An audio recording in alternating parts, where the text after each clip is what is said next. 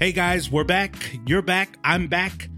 This is the Marketplace Podcast. I'm your host, Priest Willis. And today we have our guest, Courtney Reum, on episode number 94. Courtney Reum and his brother Carter are former Goldman Sachs investment bankers, entrepreneurs, operators, and investors. Courtney and Carter started the working on deals ranging from Under Armour to Vitamin Water and have since left to pursue careers as both entrepreneurs and VCs or venture capitalists. After co founding and eventually selling the successful VEEV Spirit, Courtney and Carter started M13, a 21st century investing platform that seeks to affect outcomes for founders and partners and investors by institutionalizing the process of scaling consumer centric brands. Courtney shared a lot of good information, and more importantly, he's here also to talk about their book, him and his brother Carter's Shortcut Your Startup Speed Up Success with Unconventional Advice from the Trenches. And the reason why I invited Courtney on today was because he has been in the trenches, him and his brother, and they're going to talk about some of the steps that they've went through in terms of being entrepreneurs, investors, and other things. And he made it very clear that he's an entrepreneur first, but he has a great portfolio of investments. And I'd love for you guys to check it out at their M13 site. All of that will be in the podcast notes today. Without further ado, here is my man, Courtney Reed. Hey, Courtney, welcome to the program. Thanks so much for having me. Great to be here. Yeah, excited to have you on. So, you and I, of course, talked offline. You're going to get an opportunity to check out my home here, Raleigh, North Carolina, which is really cool.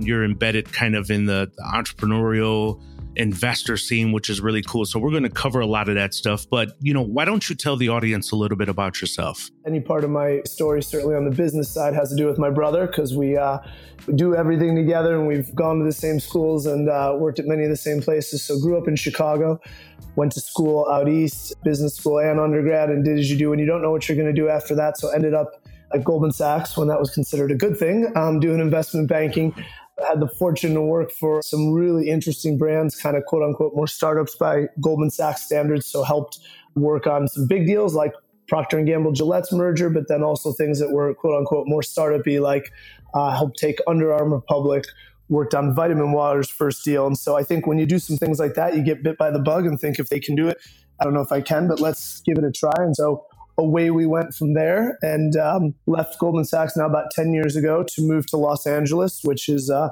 in our estimation, kind of a hotbed for health and wellness and consumer tech things, which is where we're really focused. And have started a, a bunch of companies and been uh, lucky enough to sell a few. So I'm sure we'll get into it. And then uh, figured it was a good time to potentially write a book. So we just did that recently as well. That's really cool. And just to kind of pivot really quickly to the book before we get into it deeper. One of the things that I noticed in the book was your dedication, your whole movement to business. Although you were bit by the bug at Goldman Sachs, you seem to be influenced by your dad just based on the dedication I read in terms of the relationship you had with him and just watching him do business, I guess, if that makes sense. Is that a fact? I mean, are you really inspired by your pops first? Appreciate you asking that. It sounds like you read the dedication. Unfortunately, as you know, my dad passed away right before we wrote the book. So it was a yep. incredibly tough thing. And the book would have been dedicated to him either way, but it has a special meaning. So, um, yeah, you know, I think probably not unlike most kids, you look up to your dad no matter what your relationship is. And my dad was a incredible businessman, very much guided by integrity, all the principles that you hear all the best CEOs and business leaders espouse. And so, in writing the book, even though we think it's pretty cutting edge and has a lot of new information, we certainly in the beginning kind of pay homage to yes, we have a lot of great stuff here, but if you don't start with some of the fundamentals and the things that will never change and get those right, all of our new age cutting edge stuff is for naught. So absolutely look up to my dad and um, appreciate you asking. I don't want to turn this into a morbid conversation, but I know that when my mother passed in 96, I just kind of dedicated my life to her, essentially wanting to be a better man, better business person, better father, better husband, whatever it was. How much, and I know your father passed unexpectedly, but how much did that motivate you just to see things different? I mean, you were once on Wall Street, which probably had a lot of stress to it. And I know people kind of just chase after the dollar and the hustle was the big word or crushing it but how much did you just kind of take a step back in life and realize how fragile life was essentially? My dad was only 74, which for some people listening might not sound that young, but if you met my dad, I mean, never sick a day in his life, never had any health issues, super healthy, probably looked 50 something at most. Yeah, it certainly makes you sit up and go, wow, tomorrow's not as guaranteed. And so um, a, a, friend of mine who's Latin kind of told me this Spanish phrase that is something to the effect of you don't become a man until your dad passes away. And so mm-hmm. it was an interesting thing to reflect on. And to your point, I think it makes you think a lot about your mission, vision, purpose in life, or whatever you want to call it, and kind of what legacy you want to make sure you leave. And I think it's a little weird to say that when I'm in my 30s, but mm-hmm you know, thankfully, when you've had some measure of success, at least by monetary standards, I always figure you do things in life for a couple reasons. You know, you do it for money when you have to, and then eventually you do things for passion. And thankfully, we're at the point where we can just do things for um, passion now. So I think it's never too early to make sure, like you said, you're doing things the right way or doing things in a way that you can tell your kids or pass on some legacy you feel good about. That's really good. So just kind of take it a quick step back to the Wall Street Times you kind of alluded to it when you said I worked on Wall Street. But for some, I know that always brings in a negative connotation. But from my understanding, you actually had a really good experience at Goldman Sachs. And of course, you were young and you kind of got in with the vitamin water and helped set up the IPO with Under Armour. But what did Goldman Sachs show you? What was the good experience there that you think people on Main Street, I guess I'm going to use terminology that people can identify with, see it so negatively that you saw differently? Well, I guess first thing is it's interesting because I think eh, post 2008, uh, as you pointed out, the tides have turned how some people feel about some of these firms. And certainly I respect that Goldman Sachs didn't do everything right. And so they've become kind of a poster child because, as with anything, Goldman Sachs is Goldman Sachs. So they're kind of the first one to have their head on a platter. But I can honestly say I wasn't necessarily sold on doing investment banking. There's actually a part in the book I mentioned where I talked about wanting to do my own thing. And that was when nobody was kind of an entrepreneur and it wasn't buzzy or sexy. And mm-hmm. um, my dad, you know, said to me in very matter of fact, very my dad sort of way, he said, you know, well, of course, always support you and love you lots. He said, if you want to do your own thing, that's great. But just to take quick inventory, you have no real money, no real skill set, and no real contacts to speak of. so me being Thanks, a little bit of me being a risk taker, but also a realist, I went, hmm, when you put it that way, it doesn't sound quite as appealing. So I guess what I would say is that I think the entrepreneur thing was always kind of dormant in me, and it took things like meeting Kevin Plank, founder of Under Armour, to maybe bring that to the surface. But I ultimately decided, you know what? I don't know really what I want to do. I wasn't the kid who knew at 16 what I wanted to be, other than maybe a pro soccer player. And so I figured there's worse things in the world than working at Goldman Sachs, getting a little experience there, putting on your resume, and feeling like it was portable to almost anything I would do after that. So that's kind of the background of how I got there. And in terms of Goldman, yeah, I actually did have a really good experience. Of course, it's a tough environment. You work a lot hard to love anything that you do 80 to 100 hours a week. But I interned at two other investment banks, so I have a little basis. And I can tell you that Goldman was just such a better experience from the deals you work on to the quality of the people to just, I'll tell you what, when people say, What's the biggest thing you take away from Goldman? My brother likes to joke that I'm now scared of an Excel spreadsheet, which isn't true, but I, I feign it a little bit so that he does more of the financial stuff for us. But I'm pretty handy around one still. But what I really take away from Goldman was the people and the culture, as trite as it sounds.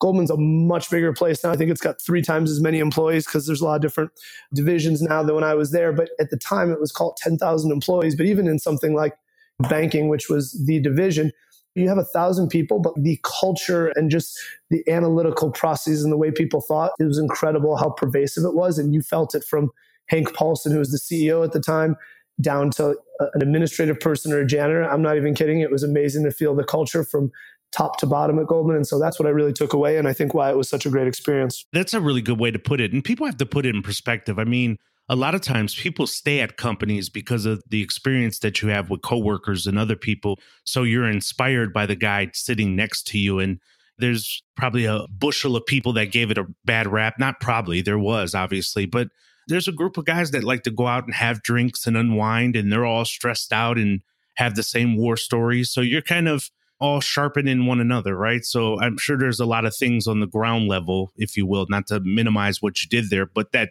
kind of kept you inspired and you kind of peeled from versus the negative pieces of it? Yeah, for sure. I think there's always a little bit of reverse PTSD, meaning I probably don't remember exactly how miserable some Tuesday nights were at three in the morning. But what makes it okay is all the stuff we've talked about. And then it's really just been a great, you know, I've, I've stayed in touch with a lot of people, and it is that group where I reach out to people 10 years later and they get back to me right away. And Lloyd Blankfein, who's the CEO right now, who has no real business knowing who I am, is, is always great to me. And I mean, if I email him, he very rarely doesn't email me back same day. And if you think of emails he gets and who he must know, it's pretty incredible. But I think it again speaks to a testament of how they operate from the top down. So the reason why I liked you, your book, and read some stuff on Inc. from you, and was told Eric, our producer, hey, let's talk to this guy, is because there's a lot of layers to you. So of course, you go to school for um, you go to Harvard and then you come out, you're an investment banking, you're inspired by your dad. That's real cool. But you become an entrepreneur. But the thing that I want to get into is the investment side of you and your brother, that is Carter. Talk about what criteria do you guys look at when looking at investment opportunities? So, you guys really have some strong investments, particularly out in Silicon Valley, which is our biggest listening audience. You have some strong investments out there. What criteria are you looking at when you're looking at the Pinterest of the world and Snapchats and all these other guys? So I'll try not to repeat all the things other people say because, of course, people and team and MVP and product market fit all matter. But I think we have a unique vantage point in investing in that, you know, we, we have the finance side, as we've talked about from Goldman Sachs. We have the entrepreneur side, having started and sold a couple companies. And so I just think bringing that to the investment side is so important because it's tough to articulate, but I think when you're sitting there talking to an entrepreneur and assessing his product or his pitch, it's just so much more helpful having done it because there's some innate thing that I think we have a pretty good ability. You know, when people say what makes you good investors, my my brother will give you a bunch of answers about how we're top tier investors in this and that. And for me, it kind of comes down to a couple basic things. I think we're pretty good at putting ourselves in the entrepreneur shoes and assessing them kind of from the inside out. And then I think the other thing that most people underestimate with investing is that nobody gets it right all the time. And so it's just like going to Vegas. You just need to have more winners than losers and have the winners be bigger. Cause I think investing is like blackjack. You kind of play to break even. And then when you have winning hands or you get aces and the dealer's showing a five, you need to know when to split and double down. And so we've had good success with that. And so, what I think we're honestly really good at is figuring out scenarios to create very asymmetric risk reward profiles, which I don't think we're the only ones that talk about it, but I think a lot of people don't truly operate that way, even if they know it to be true. And so, I think that's kind of one of our key advantages. You talked about being in an entrepreneur's shoes as you look at different investments, which is a really good way to approach being an investor. You've been an entrepreneur, you've created businesses, you've sold businesses, you've been in some difficult businesses like the liqueur or the spirits or the however you want to say it, alcohol business. Talk about that. Talk about your growth as an entrepreneur and buying and selling businesses and what that's meant for you and your brother. Yeah, well, as you alluded to, our first venture was the first organic and sustainable alcohol brand called VEEV Spirits, which we sold actually this month is two year anniversary of of exiting it, which is great just because I think there's always something that feels really good that you built something that someone thought highly enough to want to buy almost irrespective of the price. But um, mm-hmm. having started with that, I think it was, as they say in Charles uh, Dickens's books, it was the best of times, it was the worst of times. It was a lot of fun to be in your mid and late 20s and start an alcohol brand. And then once you kind of learn what goes into it, it's now having touched most areas of consumer and tech, I still believe that it is by far the hardest subcategory. And because of that, I think like, look, I know we had a, a, really, when I say good product, I know we had a really innovative product that people like. No doubt. And we did a lot on the sustainability side that was pretty unheard of for the industry. Having said that, that was just kind of a greens fee. And it very much came down to the execution as it always does and the basic blocking and tackling. And despite having a really good product, we just had to do all the same things everyone was doing better. And so it's a little bit of an exercise in, repetitive banging your head against the wall, but it was a really good lesson. And it makes me really thankful. And a lot of the things we were best at, you know, marketing and helping brands be more like media and tech companies, very little of that applies to alcohol. So we had to just kind of do it the old fashioned way. And now when we have a company that went from like 2 million in its first year to 40 million in the second year, and you just can't do that in spirits because it's very brick and mortar old school. So it always makes you really thankful. But having had that experience, it tells you, I mean, that is the definition of grind. And so I'm, we're really glad we started with that one. To put this in perspective for listeners, or at least how I see this, you can correct me if I'm wrong, but you guys were in a very different niche, especially having an organic alcohol brand, which for some people, maybe they care about, some people don't. So you're literally finding a niche within a business that is probably highly regulated. You're dealing with legislation at hand for different states. I'm yep. talking about places like you may deal with whatever Utah has to offer. I don't know what the particulars may be, but I can only imagine how this looks. And so when I look at other things that are starting to come to the forefront, like marijuana, for example, I just looked at a company. I won't say the name, but I'm considering investing in the first marijuana stock out there, and I'm doing some other stuff separately in CBD. So I can imagine how, although it may have seemed non tech in many regards, the challenges from a business perspective that you dealt with on many fronts dealing with a liquor business. You're exactly right. I mean, it was it's kind of an assault from all directions because it is fairly monopolistic industry in the sense that there's a few mm. companies mm like a Diageo, a Pernod Ricard, a Bacardi, mm-hmm. where five people paid 90% of my distributor's bills. So incentive do they have to really do stuff for little old VEEV? Then you have the government who if they had their druthers would never want you to sell another bottle of anything had prohibition worked. Mm-hmm. oh for not for the fact that uh, they make a ton of tax revenue so they'll take they don't want you to. And they you know they certainly don't want us saying you know we were very careful about saying look this is still alcohol. We're not claiming it's healthy but we're saying it's healthier than the alternatives certainly in terms of the product you know in the bottle and the ingredients and the company we had. But right. so you, to your point yeah it's coming at you from all angles. And um, you can't see my hand right now, but I'm drawing a little circle and a bigger circle around it. And it's the little circle is things I can control. The, the bigger circle is things out of my control. We really like to focus on businesses where that circle of things we can control is as big and as close to the things we can't control as possible. And spirits, unfortunately, was the opposite. So again, it was a good lesson in only doing what you can do and controlling the controllables, but it was a much smaller circle than we would like. We want to thank today's sponsor, Namecheap. Are you trying to find a domain registration company or a host that best fits your need? Namecheap is a domain name registrar and a web hosting company that I've worked with since 2002. They were established in 2000. They offer domain names at some of the best prices in the industry, along with full featured hosting packages, secure SSL certificates, WhoisGuard privacy protection service, and much more. Go to the link in today's podcast, click on Namecheap, and get yours today.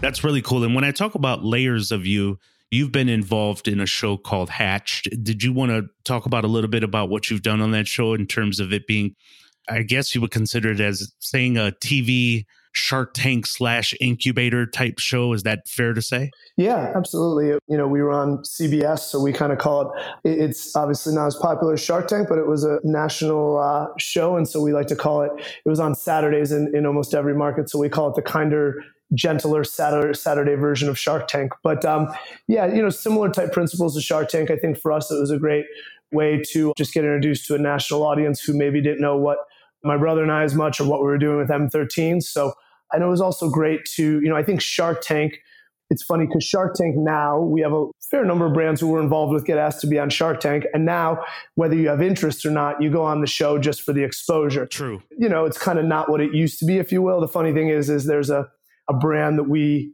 seeded. We were in the very, very, very first round some people might know called Ring. It's a video Wi-Fi video enabled doorbell that also doubles as a home security. Yeah, you have one. Well, then you probably saw that they just sold to Amazon for a billion dollars. Yep. You know, we invested in the seed round, so needless to say, that was a good one. But when they're right, I'm reading the write-ups of him selling for a billion dollars and. Jamie, the founder, is just an incredible guy. But all these articles reference, oh, he went on Shark Tank and the investors said no, you know, and it's like, well, he went on Shark Tank just because he knew he'd sell a bunch of doorbells, but it's it wasn't really the goal. And so we wanted to get back to the basics and be on a show where you actually had people who had truthfully probably smaller businesses that need more help than Shark Tank, but where we could really affect change and roll up our sleeves. So it was great to kind of see some businesses that we otherwise wouldn't have seen. I think that's really cool. I really like kind of the diversification approach you've taken with just kind of your journey and what you're establishing for yourself, you and your brother, frankly, and, and lead into you and Carter here. So you're entrepreneurs, your investors. Of course, you were on a show that we just talked about. Now you guys are an author and you wrote a book.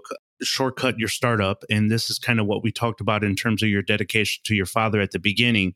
You have some really, really good things for entrepreneurs. Now, let me be clear the reason why I like the book is because a lot of times people come out with business books and there's just fluffy talk in there. I really like how you guys did take it from an investor slash entrepreneur approach and you're being realistic, particularly about the speedboat versus sailboat approach in terms of how you see the business and how there are unicorns out there, but you may not be one of them. So there's some realism to this book that I really could appreciate. So, why did you guys decide to write this book, even though there's tons of business books out there? First off, we were really lucky just with the show to get approached about doing a book. And so, as I always say, it's probably on anyone's bucket list, and it should be on anyone's bucket list. We just got presented with a great opportunity. So, I don't take that for granted and was very thankful that came our way. In terms of why the book and why now, we felt like personally we were at this great point where we were just old enough to have had some experience, which hopefully yields wisdom, mm-hmm. and yet just young enough to kind of get it and being how companies are built, because we really think it's very different than it was even 10 years ago, much less 20 years ago. And so we wanted to try to write a book that was a little bit like a Pixar movie, meaning you take your three year old to a Pixar movie, they kind of ooh and ah and coo and coy and point at the screen and they're happy by the pictures. You take a teenager to a Pixar movie and they get a different level of humor, and you take an adult to a Pixar movie and they get kind of some of those subtle adult jokes. And so we tried to write the book like that, where you peel back layers of the onion and we really tried to write it where, hey, if you're the person that's a entrepreneur, meaning you want to start something and hopefully this inspires you to get off the couch and do something. And then we also went to great lengths to try to write it in a way that people that are more successful than we are and friends of ours, we showed it to them and said, Hey, did you get take home value from this? And, and they seem to. So that's, I think, one of the things we're kind of most proud of with it. We didn't try to write it in some prose that's hard to follow or make it a super complex thing because the other belief we have is that the world we live in, I mean, the information is out there, right? Mm-hmm. But that's not the challenge. The challenge that most people have, whether it's keeping up with your inbox or news or other things, is how you distill that information down and synthesize it so we tried really hard to write something that was, you know, we're very honest that the book is probably two thirds our own ideas and probably one third other people's ideas that we love and just said, hey, let's synthesize these two and hopefully help people. So I think that's a big part of why we did it. And then as the last thing, as I alluded to, it's just a whole new world in terms of starting companies and how and why they're done. One of our supporters on the back cover of the book is Steve Case, the founder of AOL, who's been great to us. And he wrote a book called third wave, which is kind of about in the book, the first wave is Netscape and AOL, the second wave is Facebook and Google, and the third wave is how entrepreneurship and innovation starts in Raleigh, Durham, or Naples, Florida, or places that didn't usually weren't really hotbeds of innovation, but now are, and anyone can do it. This is like your approach to that, then, right? So exactly, you read my mind. Where I was going with it is that he kind of wrote a book that was of a theory of the third wave, which we totally agree with, and we tried to write hmm. shortcut your startup to be like the practical approach to how you do it. That's really, really good. That's a great way to put it. The theory, and this is your approach to how to get into those waves, essentially. Yep. That's good stuff. Just to cover a couple points. Now, my favorite chapter happened to be chapter five, where you talked about pivots and different iterations. And the reason why that's important to me is because a lot of entrepreneurs, they come out, they face a little failure or challenge because they think they need to be all these people that continue to say hustle, don't go to sleep ever in life, and all this other kind of stuff. And so they're afraid that change means failure and they don't really know how to pivot. So you guys are kind of addressing a lot of this talk about speedboat versus sailboat, and then let's just talk about being pivotal as an entrepreneur. What does that mean? Probably the bravest, hardest thing you can do as an entrepreneur is deciding when to shut something down, when to decide mm-hmm. this is failing. And it can be failing as an initiative or it can be the ultimate, we need to shut this company down, which thankfully I've only had to do a few times, but it is hard and painful. Yeah. And in terms of the, you know, sailboat versus speedboat, that's definitely become a favorite chapter. We tried to have, you know, we call the chapters startup switch ups, and we tried to make them all, for lack of a better term, buzzy so that you could almost kind of remember them. As, as you know, there's, there's things called like do what you do best and outsource the rest, or know whether you're a sailboat or mm-hmm. speedboat. But the general gist is companies that we read about in the media today all tend to be speedboats. You know, first mover advantage, companies that are scaling super fast, whether that's something like a Lyft, we say Lyft instead of Uber because we're early investors in Lyft, but whether it's like a Lyft or a Pinterest or an Airbnb, those kind of sexy unicorns. But most 99.9% of companies are meant to be sailboats. A sailboat is a company that um, you know starts, gets a little wind at their back, catches that gust of wind, gets some momentum, then the wind dies down, you rechart your course, and you know wait for the next gust of wind. And we kind of go through some examples in there, and we always say, if you're not sure if you're a sailboat or speedboat, hint, you're a sailboat. And you know, remember with speedboats, we have a lot of we kind of carry the analogy all the way through, but we say with speedboats, you know, speedboats take a lot of gas, right? And gas in this case is capital. And so you can blow through a lot of it if you think you're a speedboat and you're meant to be a sailboat, whereas sailboats can harness the wind, plot their course, and take their time. And we talk about different companies. We talk about a company that we were involved with for a really long time called KeVita, that's a um, sparkling probiotic and kombucha drink, where they were very much a sailboat because I don't think the average person was ready for sparkling probiotics in a bottle when they first started. And then eventually they kind of put down that sail and became a speedboat as the proposition became more salient and the company tripled its revenue three years in a row before they ultimately sold to uh, Pepsi a couple years ago. So that's kind of the analogy with sailboat and speedboat. And then to touch on the other parts you said about kind of the the grind. I mean, of course, there is that, and there is. I thought when I left Goldman Sachs, you would never work as hard as you did there, but you do in a different way, and it's certainly the even if you're doing it for yourself, you're you're motivated a different way. There's certainly the mental duress and fatigue. But mm-hmm. you know, more and more, I think it's we're believers in um, you know, Arianna Huffington's movement with Thrive, who, who also was has been a great supporter of the book, and she's the first quote on the back. I've now become a believer, especially as I've mm-hmm. gotten older. I don't know how I did the three hours of sleep every night at yes. Goldman, because for me, sleeping enough, whatever that is for most people, for me, it's seven to eight hours. It's kind of a non-negotiable, so that's got to be a fixed thing, not a variable thing, and it blows my mind. I think for most people, that's the first thing they're willing to uh, sacrifice on a regular basis. Man, you got a lot of strong endorsements here from Tony Robbins, Arianna Huffington, as you pointed out. I love her book about Thrive and work life balance, essentially. Steve Case, who has spent a lot of time in Silicon Valley South uh, here in Raleigh, North Carolina on his tour, and Blake Mycoskie. I read his book, Start Something That Matters. I believe in social. Well, then you you might remember we were in a, a chapter on facing fears in his book as well. I do, I do. Great friend and an incredible guy. Yeah, I went to see him speak in Austin, so really, really cool. So, look, Courtney, you've been awesome to spend this time with me. I really appreciate it, guys. I want you to go check out this book. This is one of my favorite books so far this year. Shortcut Your Startup. Speed up success with unconventional advice from the trenches. Literally, you can hear that he's involved in investments, entrepreneurial ventures. That is the trenches that we're looking for. We're looking for somebody that's having hands on experience, him and his brother Carter. If people want to get in touch, if they want to find out more about the book in general, what site can they visit? Where are you guys at online? Feel free to share that, Courtney. Uh, shortcutyourstartup.com. Definitely can get in touch with us there and find out more about the book. It's available pretty much every place books are sold Amazon, Barnes and Noble you name it. And then uh, if people want to get in touch with us, our, our hold code is called M13. Website is just m13.co, and you can find a place to shoot us a message there as well. Courtney also started the MS13 gang, and they um they just no, I'm just kidding. All right, man. Well, I really appreciate the time. Thanks a lot. Thanks so much, Priest. Have a good one. You too. Thank you, man. Bye. That wraps up another episode of the Marketplace Podcast. Thank you all so much again for joining me and allowing me to share this information with you and these guests. Courtney was awesome. It's always an honor for me to talk to these guests and hear so much about their business and how they approach business and what inspires them. For example, Courtney and Carter, it was their father that inspired them and drives them and pushes them, and then it turns into legacy. So, this is always so good for me to hear, inspiring and enriching for me personally, and hopefully, it's the same for you. So, you guys, again, I'll ask if you can go out, search the Marketplace podcast, the Marketplace online, and just leave some feedback on iTunes. Give me the five stars. I really appreciate it. I feel like we're part of the community with the emails that I'm getting, and we can see it with the growth that is continuing to grow episode over episode, not even month over month, episode over episode. So, I'm honored by this. Thank you so much. Until next Sunday, I look forward to speaking with you guys and having another guest on. Thank you. Have a great week.